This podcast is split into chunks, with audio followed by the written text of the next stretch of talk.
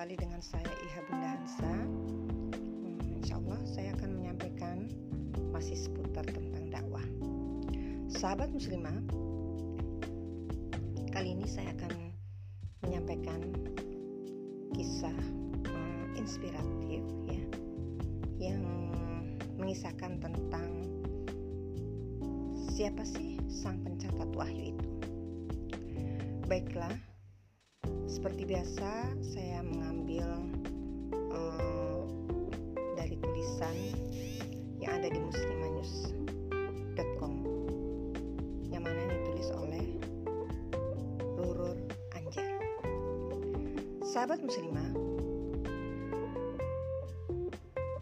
intuisi seorang muslimah yang berperan sebagai ibu telah melahirkan cendekiawan muslim kepercayaan Rasulullah dan para sahabat mendorong dan memotivasi agar buah hatinya tak pernah lepas dari gelora jihad di jalan Allah. An-Nawar bin Malik berasal dari kalangan Ansor dari Bani Najjar. Sejak fajar Islam terbit, ia dan suaminya tak ragu untuk berjalan dan menapaki jalan keimanan. Mereka berdua mendidik anaknya, Zaid bin Sabit, dengan fondasi Islam yang teguh. Namun, sebelum peristiwa hijrah Rasulullah ke Bandina, suaminya gugur dalam perang Buat yang melibatkan suku Aus dan Khazraj. Kala itu Zaid berusia lima tahun, sehingga menuntut An-Nawar menempa Zaid seorang diri menjadi muslim yang baik dan meraih kesuksesan dunia akhirat. Menjadi madrasah utama bagi Zaid berbekal kecerdasan dan kecintaan kepada Islam. An-Nawar menancapkan sakofa Islam di dalam dada Zaid. Ia mampu menempatkan dirinya sebagai madrasah utama dan mengalirkan ilmunya ke dalam diri Zaid. Sahabat muslimah, Barokallah Zaid eh, tumbuh menjadi sosok yang matang dan berkualitas, cerdas dan jenius pada usianya yang ke-11 tahun, ia pun berhasil menghafal belasan surat Al-Quran. Selain itu, Anwar juga memoles mental Zaid untuk menjadi pejuang. Sahabat muslimah, ketika berusia 13 tahun, Zaid bersemangat mendaftarkan diri untuk mengikuti perang Badar. Alhasil, kehadirannya mengundang perhatian karena tubuhnya yang mungil tidak sepadan dengan postur tubuhnya. Keinginan Zaid tersebut direspon positif oleh Rasulullah. Namun Rasulullah tidak mengizinkannya ikut karena aturan perang melarang anak-anak ikut serta. Dengan bijak, Rasulullah menjelaskan bahwa berperang tidak hanya bermodalkan semangat, tapi kesiapan fisik dan usia pula. Untuk itu, Zaid diminta bersabar beberapa tahun lagi hingga dinyatakan siap berjihad di medan tempur. Zaid sungguh kecewa dan menangis. Lalu ia mengadukan hal tersebut kepada ibunya. Rasulullah melarangku berjihad, rujuknya. Anawar paham dengan gelora semangat jihad di dalam diri anaknya. Namun di sisi lain ia pun mengerti dengan kebijakan Rasulullah. Dengan arif alternatif jalan yang dapat dilakukan Zaid sesuai usianya. Jangan bersedih anakku, jika jihad di medan perang belum boleh dilakukan anak-anak seusiamu, cobalah berjihad dengan jalan lain, yaitu melalui lisan ataupun tulisan.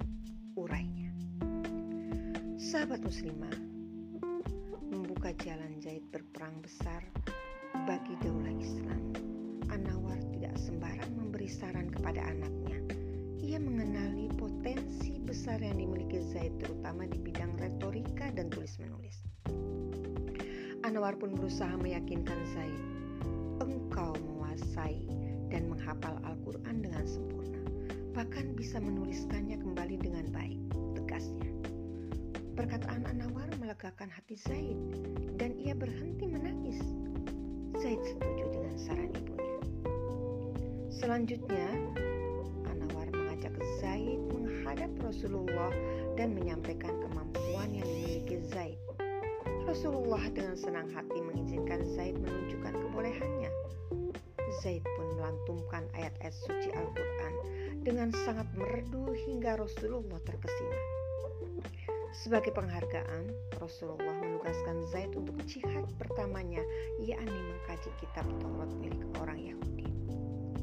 Wahai Zaid, pelajarilah kitab Yahudi untukku, karena aku tidak bisa membuat mereka beriman kepada apa yang aku katakan kepada mereka. Upaya Anwar yang mengajarkan Zaid untuk bekerja keras membuatnya mudah memahami kitab Taurat, bahkan melebihi ekspektasi karena Zaid juga mempelajari bahasa kitab tersebut, yaitu bahasa Ibrani yang menguasainya.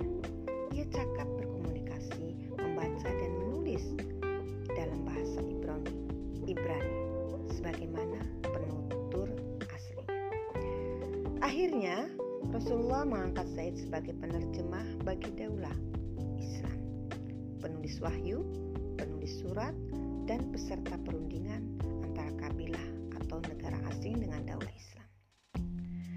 Setelah Rasulullah wafat pun, Zaid berperan penting di dalam dakwah Islam di masa kekhalifahan Abu Bakar dan Umar bin Khattab.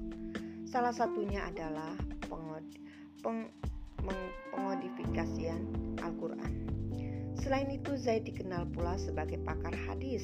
Terdapat sekitar 92 hadis yang ia meriwayatkan sahabat muslimah, sahabat muslimah, e, benarlah bahwa peran muslimah sebagai seorang ibu sangat penting bagi anak-anaknya menjadi umun warobatul bait dan madrasatul ula yang harus mengenali dan mengidentifikasi potensi yang hadir di setiap anak.